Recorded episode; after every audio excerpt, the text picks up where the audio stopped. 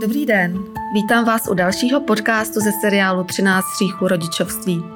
Já se jmenuji Monika Mudranincová a mým hostem je jako vždy psychoterapeut Martin Zikmund. Dnes si budeme s Martinem povídat o tom, jak se může vám a vašemu dítěti vymstít, když na něj nemáte čas. A tak pojďme rovnou k věci.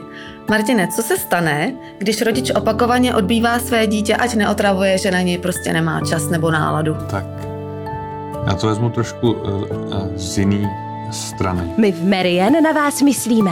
Nechte si zaslat vaše oblíbené čtení rovnou domů a užijte si svou chvilku spolu s námi. Nyní máte poštovné zdarma. Objednávejte na www.predplaci.cz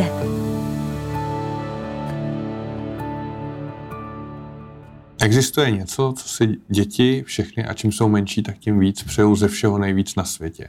Není to kolo, není to iPad, je to pozornost rodičů. To je jediná měna, na kterou ty děti fungují. A tu měnu eh, jim platíme za jejich práci. Ale je potřeba se eh, podívat na ten job description, na to, co je práce těch dětí. Práce dítěte je bait. Tečka. A hrát si. To je celý. Ano. Takový má job description a to on dělá. Mhm. A za to má dostat zaplaceno. Jak? Pozorností. Za to má dostat bezpodmínečný přijetí, bezpodmínečný jako bez podmínek a bezpodmínečnou lásku, bez podmínek. Ale ta se těžko projevuje SMS, už jenom protože neumí ještě číst, Mhm. ale ta se projevuje tou pozorností. Ano, přítomností. Přítomností fyzickou, to umí kde kdo, eh, kdo pak čumí do mobilu. Dřív bývalo ještě víc cool, jako, tak eh, tatínek koukal do mobilu a řešil e-maily a maminka koukala na Facebook a psala si s kamarádkama a dítě tam bylo samo. Takže mluvíme o quality and quantity time. Eh, tak rozdílu. nějak. Eh, To znamená, že ten čas je opravdu potřeba trávit s tím dítětem jako tou pozorností. Ne fyzicky, to je mu k ničemu, to je vlastně ještě horší. V čem je to horší? Je to horší v tom, že když tatínek je v práci, fyzicky v práci a není doma, tak eh, tomu dítě to jde snadno vysvětlit. Podívej se, tatínek teďka v práci vydělává korunky, aby se měli na jídlo, to je naprosto srozumitelný, to dítě jako často jí. A až přijde, tak tady bude pro tebe. No, ale když on pak přijde a čumí do mobilu a řeší e-maily, tak za prvé maminka lhala, Ano. to, to za prvé, eh, a za druhý, no tak eh, co si z tohoto dítě vezme? Ta krabička s čím dál tím víc objektivama je naprosto neoddiskutovatelně nade vší pochybnost mnohem důležitější než já. Tatínek mi to právě řekl. Ano, On to neřekl, on to dělá. ano. To je ještě horší. A pak si dítě začne vynucovat pozornost třeba zlobením. A nebo se stáhne, rozesmutní, zpomalí se jeho vývoj, bude se trápit, protože není tak dobrý jako ta krabička, Hmm. co tatínek vždycky drží v ruce. Dejme tomu, do jakého věku dítěte je taková ta cílená pozornost, ten kvalitní čas, eh, co s ním trávíme, důležitý. Do kolika let bychom měli, dejme tomu, zůstat doma s dítětem, ať už je to maminka nebo tatínek a opravdu se mu věnovat. Jo, a to je možná důležitý point. Zůstat doma a cíleně se mu věnovat není vždycky nutně jako potřeba jako 100% času. Aha, tak jak bys to Vlastně to, definoval? vlastně to ani nesmí být 100% času. Mhm. Pozornost, jak je tou měnou a odměnou, tak je jedním z nejúčinnějších výchovných nástrojů. Stejně jako ignorování. Dokonce existuje něco, čemu se říká eh, planned attending and planned ignoring, plánovaný eh, dávání pozornosti a plánovaný ignorování. A je to účinný nástroj proto, že to dítě pro tu pozornost udělá úplně všechno. Jako zaměstnanec korporace udělá pro peníze eh, téměř všechno. Tohle jsou ty dětské peníze. A to dítě není blbý. Hmm. To dělá to, za co dostává pozornost. Ano. Takže eh, že mezi druhým třetím rokem se objevují takový ty záchvaty těch dětí, to určitě znáte, když ne od vlastních dětí, tak od těch cizích. A eh, některý rodiče eh, to odměňují obrovskýma hrstma pozornosti, že u toho dítěte pečlivě stojí, dokud nezmodrá. Hmm. To je super, to znamená, že tomu dítě říkají tak, a tohle to dělají často, za to dostaneš tolik pozornosti. Hele, jsi mezi tolika lidma, bratříček vedle tebe, sestřička, nikdo jí nezajímá, jenom ty. No to je bomba! No a co mají dělat, ale v tomhle případě třeba teda ty rodiče? Já vím, že odbíhám, ale... Plánovaně ignorovat. To je ten Plánovaně, druhý mhm. Pos, uh, u dítěte posilujete chování, kterému věnujete pozornost. Ano, takže odejít. a zároveň jako koukat, aby, aby to dítě se neublížilo, nebo to, ale to dítě jako nemusí vědět, že tam jste, že jo. Taky ono většinou, tak to, ty scény asi taky každý zná, že jo. Eh, Já chci zmrzlinku, já chci zmrzlinku, já chci rozčilovat, maminka zahne za roh, z sek- sekund nikdo nechce, nechce zmrzlinku a mami, kde jsi mami? Jo, a je po problému. Toho odnaučí to eh, dělat, protože za tohle to teda očividně pozornost nedostal a nedostane, tak hod zkusí něco jiného. Eh, třeba být v úzovkách hodný, eh, ať už to znamená cokoliv. Protože hodný je obvykle pod, podle toho, jak chceme my, eh, ne vždycky je hodný eh, podle toho, jak chce dítě. To je občas problém. Ale eh, ještě větší problém je, aby dítě nám diktovalo, jak to má být, protože rodi, rodiče od toho, aby mu dává hranice.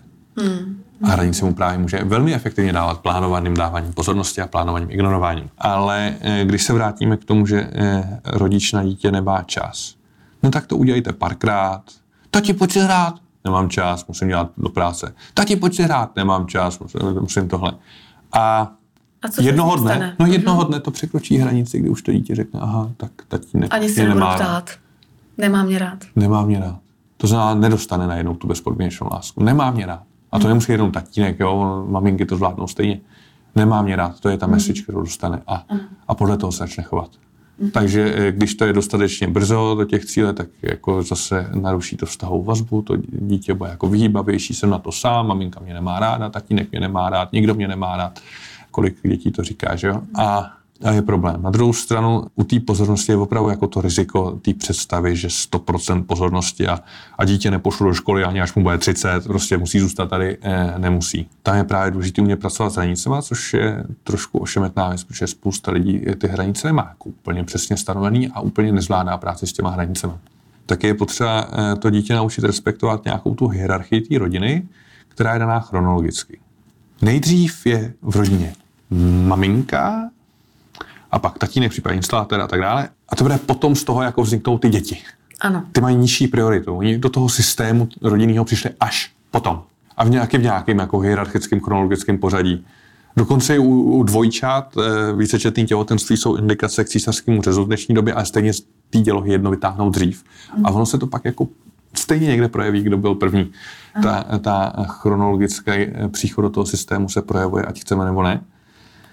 Takže ty rodiče jako se, v tom systému jsou nejdůležitější, takže eh, by bylo fajn, kdyby pro sebe byli nejdůležitější a kdyby eh, měli pro sebe ten čas a to dítě to musí respektovat, to bude to respektovat, pokud mu ale pak dáte nějakou pozornost. Jenže velmi často se to neděje, protože v okamžiku, kdy přijde do, do rodiny dítě, tak zaujímá vlastně prioritně místo toho manžela. Pokud je to chlapeček, tak ano. Pokud je to holčička, tak se snaží jako vystranit tu uh, maminku. maminku.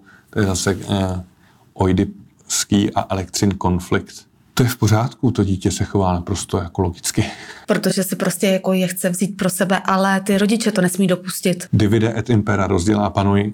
Nevím, jestli kojen se někdo vyučuje římský císařství, ale jednají podle toho. Nicméně, bohužel u těch dětí je to úlohou jako matky.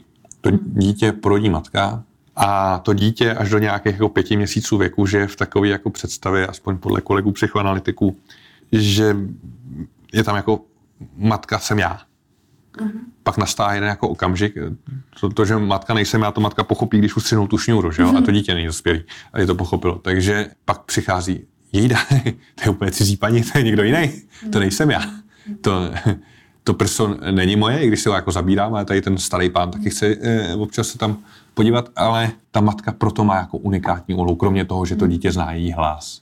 A kromě a toho teda ta matka, ona to hodně přiživuje, protože vzpomeňte třeba na mateřský plurál. My tak hezky papáme, my jsme se ale hezky vyspinkali. Ona v podstatě a to dítě jedno tělo jest. Hmm. I vlastně v, při tom verbálním projevu. Jo, někdy to trvá víc měsíců mamince, než tomu dítě, než to pochopí, ale než se odpojí. to je vlastně jako symbolický. Nejvíc, nejvíc to ukazuje v ložnici, s takovým jako dalším symbolickým místě. Co dělá dítě, když přijde do ložnice? Hopsne si mezi maminku a tatínka. A co je job maminky říct?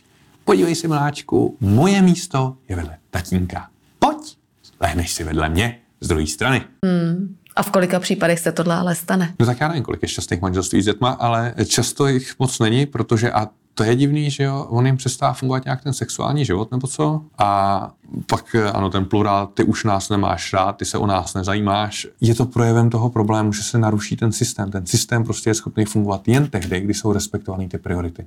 Mm-hmm. Dokonce, eh, dokonce to, eh, tomu se věnuje celá jako systemická psychoterapie, ne, systemická, protože to popisuje systémy a jejich chování a oni vlastně jako říkají, že i jako prvorozený je prostě důležitější, a protože je blíž mamince a tím pádem je tatínkovi. Mm-hmm. To je jak v nějakých těch kreslených pohádkách. Tatínek, maminka a vedle jsou takhle poskládaný ty děti podle velikosti.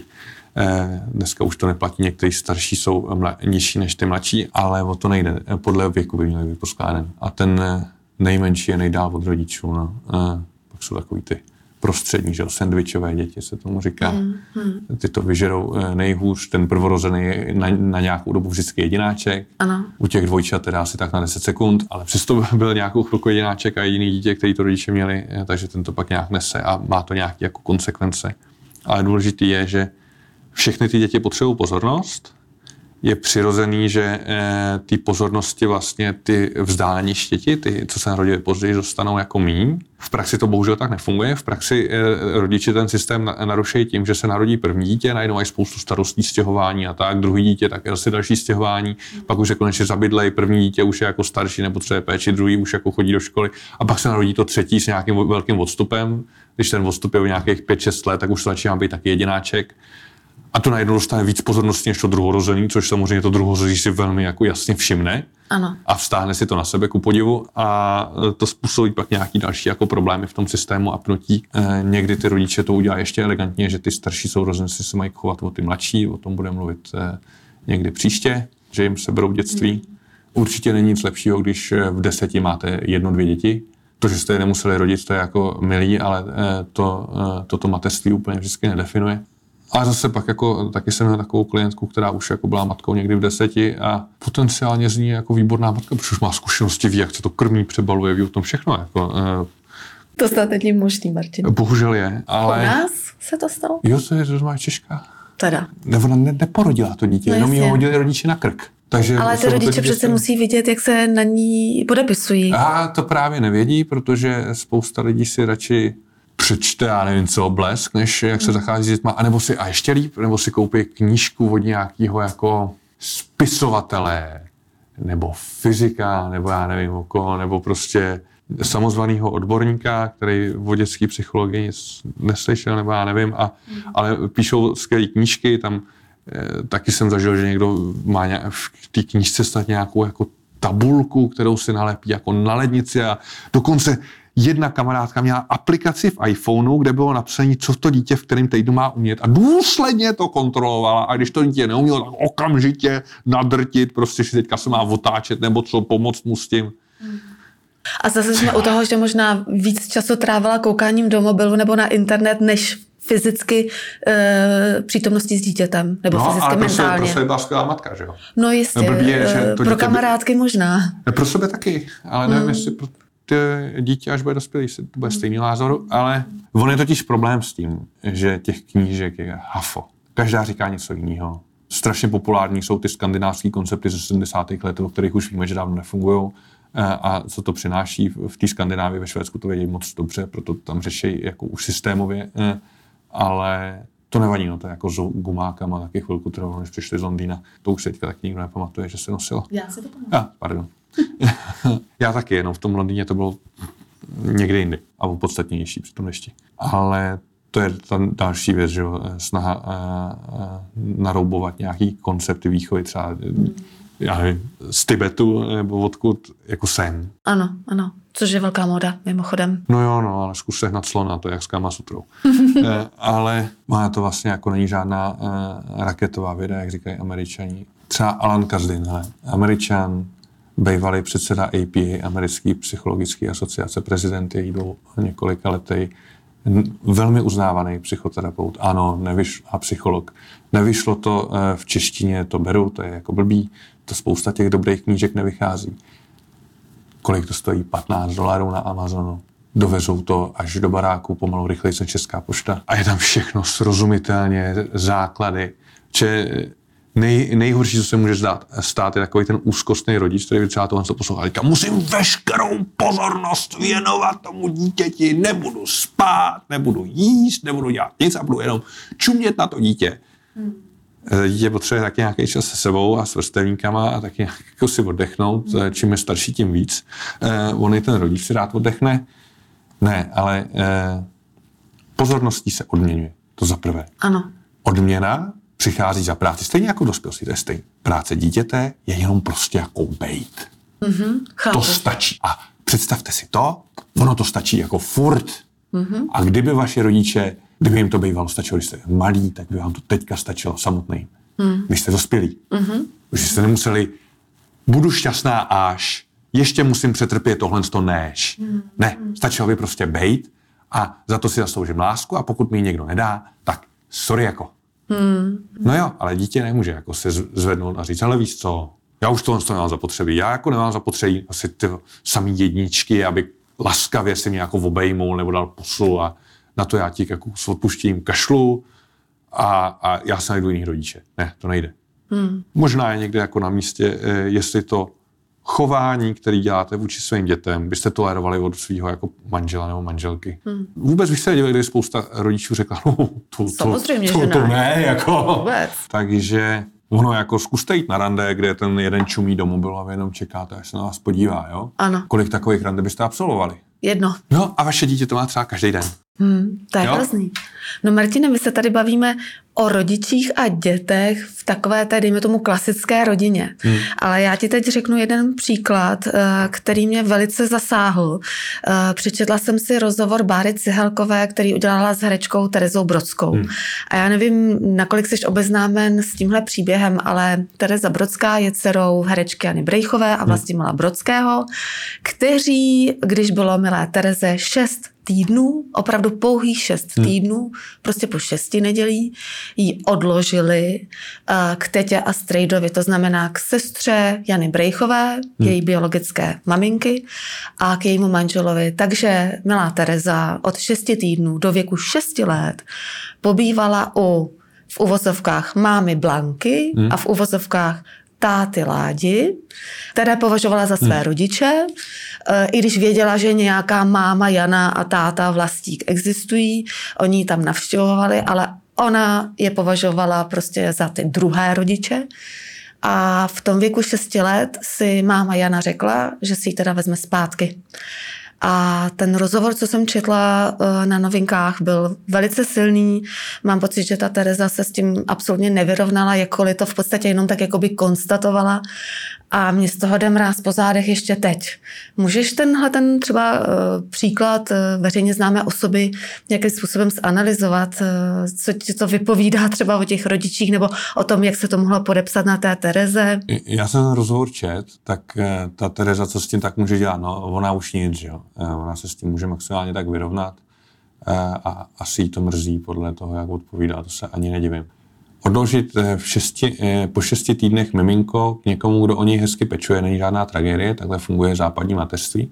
Takže ten začátek nemusel být až tak tragický, notabene, když jako vidím, že to dítě jako třeba nezvládám, nechci, mám nějaký problém, Tam který to bylo neumím kvůli řešit, kariéře. To bylo, to si přiznejme, kvůli kariéře, protože Jana Brejchová byla velmi vytížená herečka v té době. Byla to česká Bridget Bardot. Ale to je furt, jako pokud to dítě odložím něko, k někomu, kdo o něj hezky pečuje, tak mu dělám často lepší službu.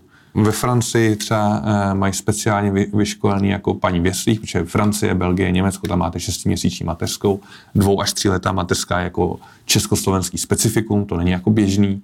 V Americe vám šest týdnů drží aspoň pracovní místo, neplacený volno e, máte a pak musíte nastoupit, anebo papa. V podstatě Američany jako na to nejsou až tak jako špatně psychicky. Když člověk se projde po ulici, tak v Americe se všichni usmívají eh, někdy až moc, tady se projde neuspívá nikdo, ale když ho odložíte ke správným lidem, kteří se k tomu eh, miminku chovají hezky, není to špatný. To, to miminku jako na biologickém poutu nesejde.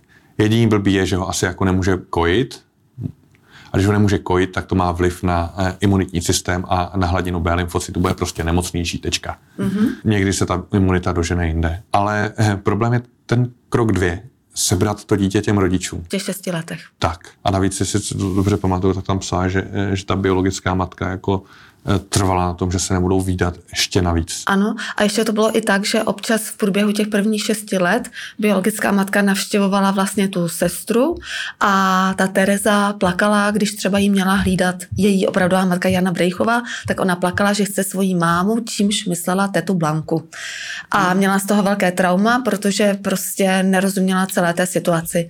A pak, když oni ji vytrhli z toho prostředí, které znala a které mi- milovala, eh, které jí dávalo bezpodmínečnou bezpečnou láskou a přijetí, hmm. tak najednou se ocitla víceméně u cizích lidí. No, ta reakce tam popisovala nějak to kino, kdy, kdy ten skutečný tatínek, to znamená ten nebiologický, to, je, to byl skutečný to bylo, tatínek. ano, pro ní skutečný tatínek, tatínek musel, musel zavolat skutečnou maminku, to znamená tu uh, sestru té biologické mamky. To vypovídá o tom, že, tam, že biologická matka nebyla ani ta sekundární pečující osoba, což na západě je. Jo? Ta cizí paní, co si mě bere z jesliček od mojí maminky, tak je to optikou toho dítěte v té Francii. Od té primární pečující osoby, která je ale mimochodem proškolená, vychovala desítky až stovky dětí, která ženská to dneska může říct, a, a má bezpečnou stavovou vazbu, prošla nějakýma psychotestama a notabene s tím dítětem se jí zachází vodoslí, protože není její a, a může se v klidu vyspat. Jo? Takže tenhle ten koncept jako na západě není vůbec špatně.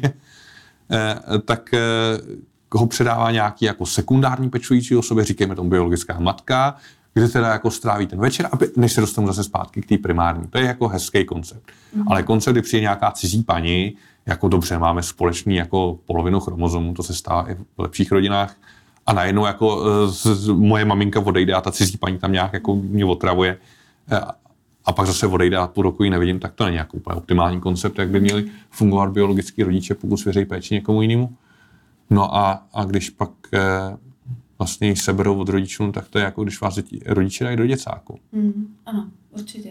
S tím rozdílem, že eh, teď nevím vlastně, který z těch dětí má víc pozornosti, jestli v děcáku od těch učitelů, nebo tady eh, ta Tereza od těch biologických rodičů. To je jako mm-hmm.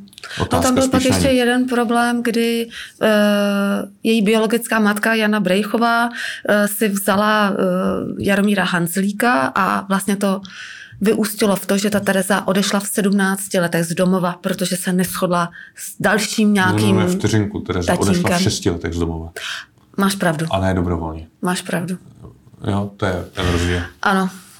Je to jako vlastně velice zvrácená uh, situace, se kterou se asi uh, ta Teresa bude potýkat do konce života. Ona sama teda říká, že ona je teďka přesný opak takové té matky, supermatky kvočny, která si velmi zakládá na té své rodině. Jo, já jenom Věříš vždycky tomu? věřím, to se stává často, že někdo je přesný opak svých rodičů, což je výborným indikátorem toho, jak mu ty rodiče furt ovládají ten život. Hmm, ano. Což by tolik nevadilo, ale ve spoustě případů, jako minule jsme řešili mlácení dětí, rozhodně nikdy za žádnou cenu nebudu mlátit svoje děti. Takový ten úzkostný postoj, že nesmím, no tak to povede k čemu? Že to jednou poruším. Přesně. A jak se budu, cítit? No, bych se celý ten koncept. Jak, no, jak by se cítil ty? No, je, tak mě by se zhroutil svět a pak už to nemá smysl, takže ho stejně ho budu mlátit a s, s, tím pádem tohle jsou jako šokující událostí, že, že se stalo něco takhle strašného, tak, tak eh, pak už můžu přejít k tomu, co fungovalo, když jsem byl malý a to bylo přesně tohle. Ono obecně asi jakýkoliv jako úzkostný postoj je nesvobodný. Ano. Jo. Rozhodně nikdy nebudu nic takhle jako, anebo za každou cenu vždycky musím, e, není to svobodný. Mm-hmm. Jakákoliv nesvoboda jako způsobuje nějaký problémy. Konec konců tady v Československu, kdo ještě pamatuje e, rok 88 a, a hůř, e, tak to ví velmi dobře. E, ale když se podíváme jako zpátky na tu pozornost, pozornost by neměla být za odměnu. E, pozornost e, v různých zase stádiích vývoje toho dítěte, který opravdu jsou jako velmi klíčový. Ten mozek prochází takovým vývojem, jakým váš už ne, na rovinu. A vyvíjejí se nový mozkový centra, sebekontrolní mechanismy, to je to poslední, co se vyvíjí 15. až 20. rok věku. Ale ta pozornost je vlastně katalyzátorem toho sebevědomí, hmm. sebeúcty, sebejistoty, sebelásky. Co dělá dítě? Namaluje v obrázek a tati, tati, tati, podívej se, mám obrázek, podívej se. Hmm. Co to jako je? To? Pro boha, jak to, tady váš přetažení, podívej tamhle, mánička ty od sousedů, hmm. ta umí v tom věku malovat, ne jako ty. Hmm. Taky znám takovýhle rodiče, to taky to vidět. Jo, je to strašný, hmm. to nevadí, to dítě se pak bude celý život srovnávat, bude naprosto nesebevědomý a nebude mu dobře. Ano. A to vám může být jedno, to vy už s ním nebydlíte v dospělosti, hmm. ale některým rodičům třeba jedno není a hmm. to je pak jako dobrý si říct na rovinu, že to, to zaprvé se nedělá, srovnávat vlastní dítě s jakýmkoliv jiným dítětem zejména ne se sourozencema, protože to pak vede k těm výborným vztahům těch sourozenců na život a na smrt. No někdy spíš na dosmrti e, e, už někdy v životě, e, ale ta pozornost, to dítě má na začátku, říká se tomu vnější e, centrum hodnocení. Jemu se líbí ten obrázek, až když se líbí e, primární pečující osoby a sekundární pečující osoby. A to dítě z toho vyroste. Když, když se toho nabaží, když, když dostane tu pozornost, to má prostě nějakou jako hranici, který když dosáhnete, tak už to stačí. Ano. A to dítě jako jednoho dne namaluje obrázek, řekne, je, to je hezký obrázek. Ano. A pak zač, přijde ta maminka, ukáž, na, podívej. Už to není jako, že mami, mami, mami, podívej. Ne, už to je, že namaluje obrázek, to je hezký. Nebo ukáž, co pak to, to děláš, ježiš, to je krásný. Mm-hmm.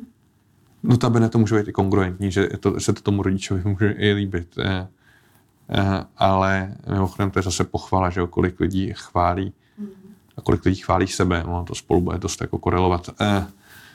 Vy jste se naposledy pochválili za něco. Eh, a vy jste naposledy pochválili svoje děti za něco. Eh, pokud jedno z těch čísel je výrazně větší, někde bude problém. Pokud jsou obě nízký, stejně je někde problém. Mimochodem eh, jsme dospělí. Začít chválit sebe a děti, to je takhle. Jasně. Ale To je asi to nejjednodušší. eh, pochvala je další výchovný nástroj, velmi efektivní, akorát má nějaký parametry, aby fungovala eh, co nejefektivněji v různém věku. Hmm, hmm. Ku příkladu eh, u 15-letý dcery asi nejlepší říkat Ježiši, ukáž, to je krásný obraz, no ty jsi moje šikulka. Nejlépe přes Já spolužáka. to dělám ještě teď. No, tak eh, Dceři je 23. zdravíme.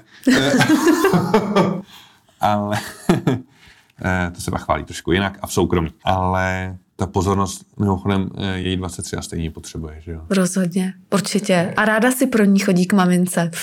Je ti o něco víc než 23 a taky ocení, že ještě maminka dá nějakou pozornost To je pravda. pozitivní, že. Volá mamince, jestli četla můj úvodník například. No, tak. Tolik na téma, eh, kolik let je to potřeba. Do smrti. No a eh, tolik na, na téma, jak moc intenzivní to musí být. Jestli 24 hodin denně tě maminka stojí za prdelí, ještě pořád nestojí. Hmm. Ale musí to tam být. A nejhorší je, že ta četnost a ta intenzita, kterou to dítě potřebuje, se liší podle toho dítěte. A úplně nejhorší je, že to dítě vám to rozhodně neřekne. Takže eh, buď jste jasnovidec, pak se zajděte eh, sadit sportku, vyhrajete, nemusíte pracovat a, a můžete 100% času věnovat dítěti, a nebo to prostě občas úplně neklapne. Hmm. Ale jenom jako na závěr bych doporučil, nevěnujte pozornost nežádoucímu chování, protože tím ho posilujete. Ano. A posilujete ho tím intenzivněji, čím méně pozornosti to vaše dítě má. Takže kdo bývají ty minimálně ve filmech, protože tady se to rozhodně neděje, nejproblematičtější děti, to bývají děti eh, takových těch podnikatelů, co na ně nemají čas. Ano. Ale když jim zavolají ze školy, že udělá nějaký průšvih a oni musí jít do školy, tak jim najednou věnou spoustu pozornosti.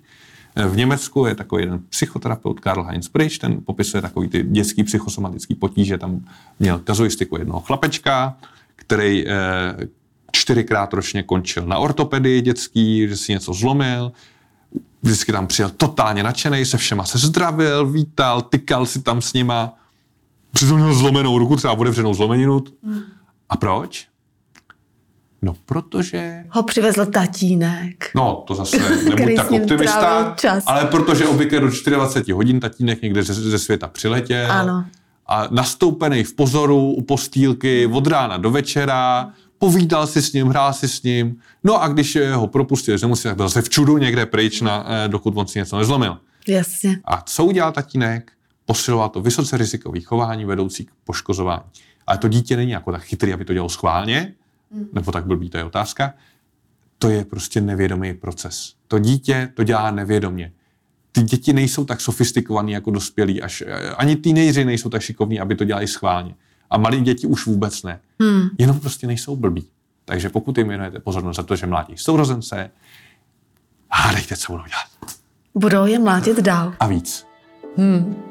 Martine, já bych asi tímhle skončila, že je dobré najít nějakou zdravou rovnováhu mezi tou pozorností a takovou tou nějakou řízenou ignorancí, jestli si to No, takhle nazval. plánovaným ignorováním. Plánovaným ignorováním. A ze všeho nejvíc je důležité najít si jako prostor pro toho druhého rodiče, protože ono je jako důvod, proč je týmová hra, ta výroba dětí a, a, a jejich výchova. Ano, Dítě nepotřebuje nutně oba rodiče. Je to lepší, když oba dva rodiče věnují pozornost, ale taky se můžete střídat a jeden může aspoň spát nebo si vydechnout.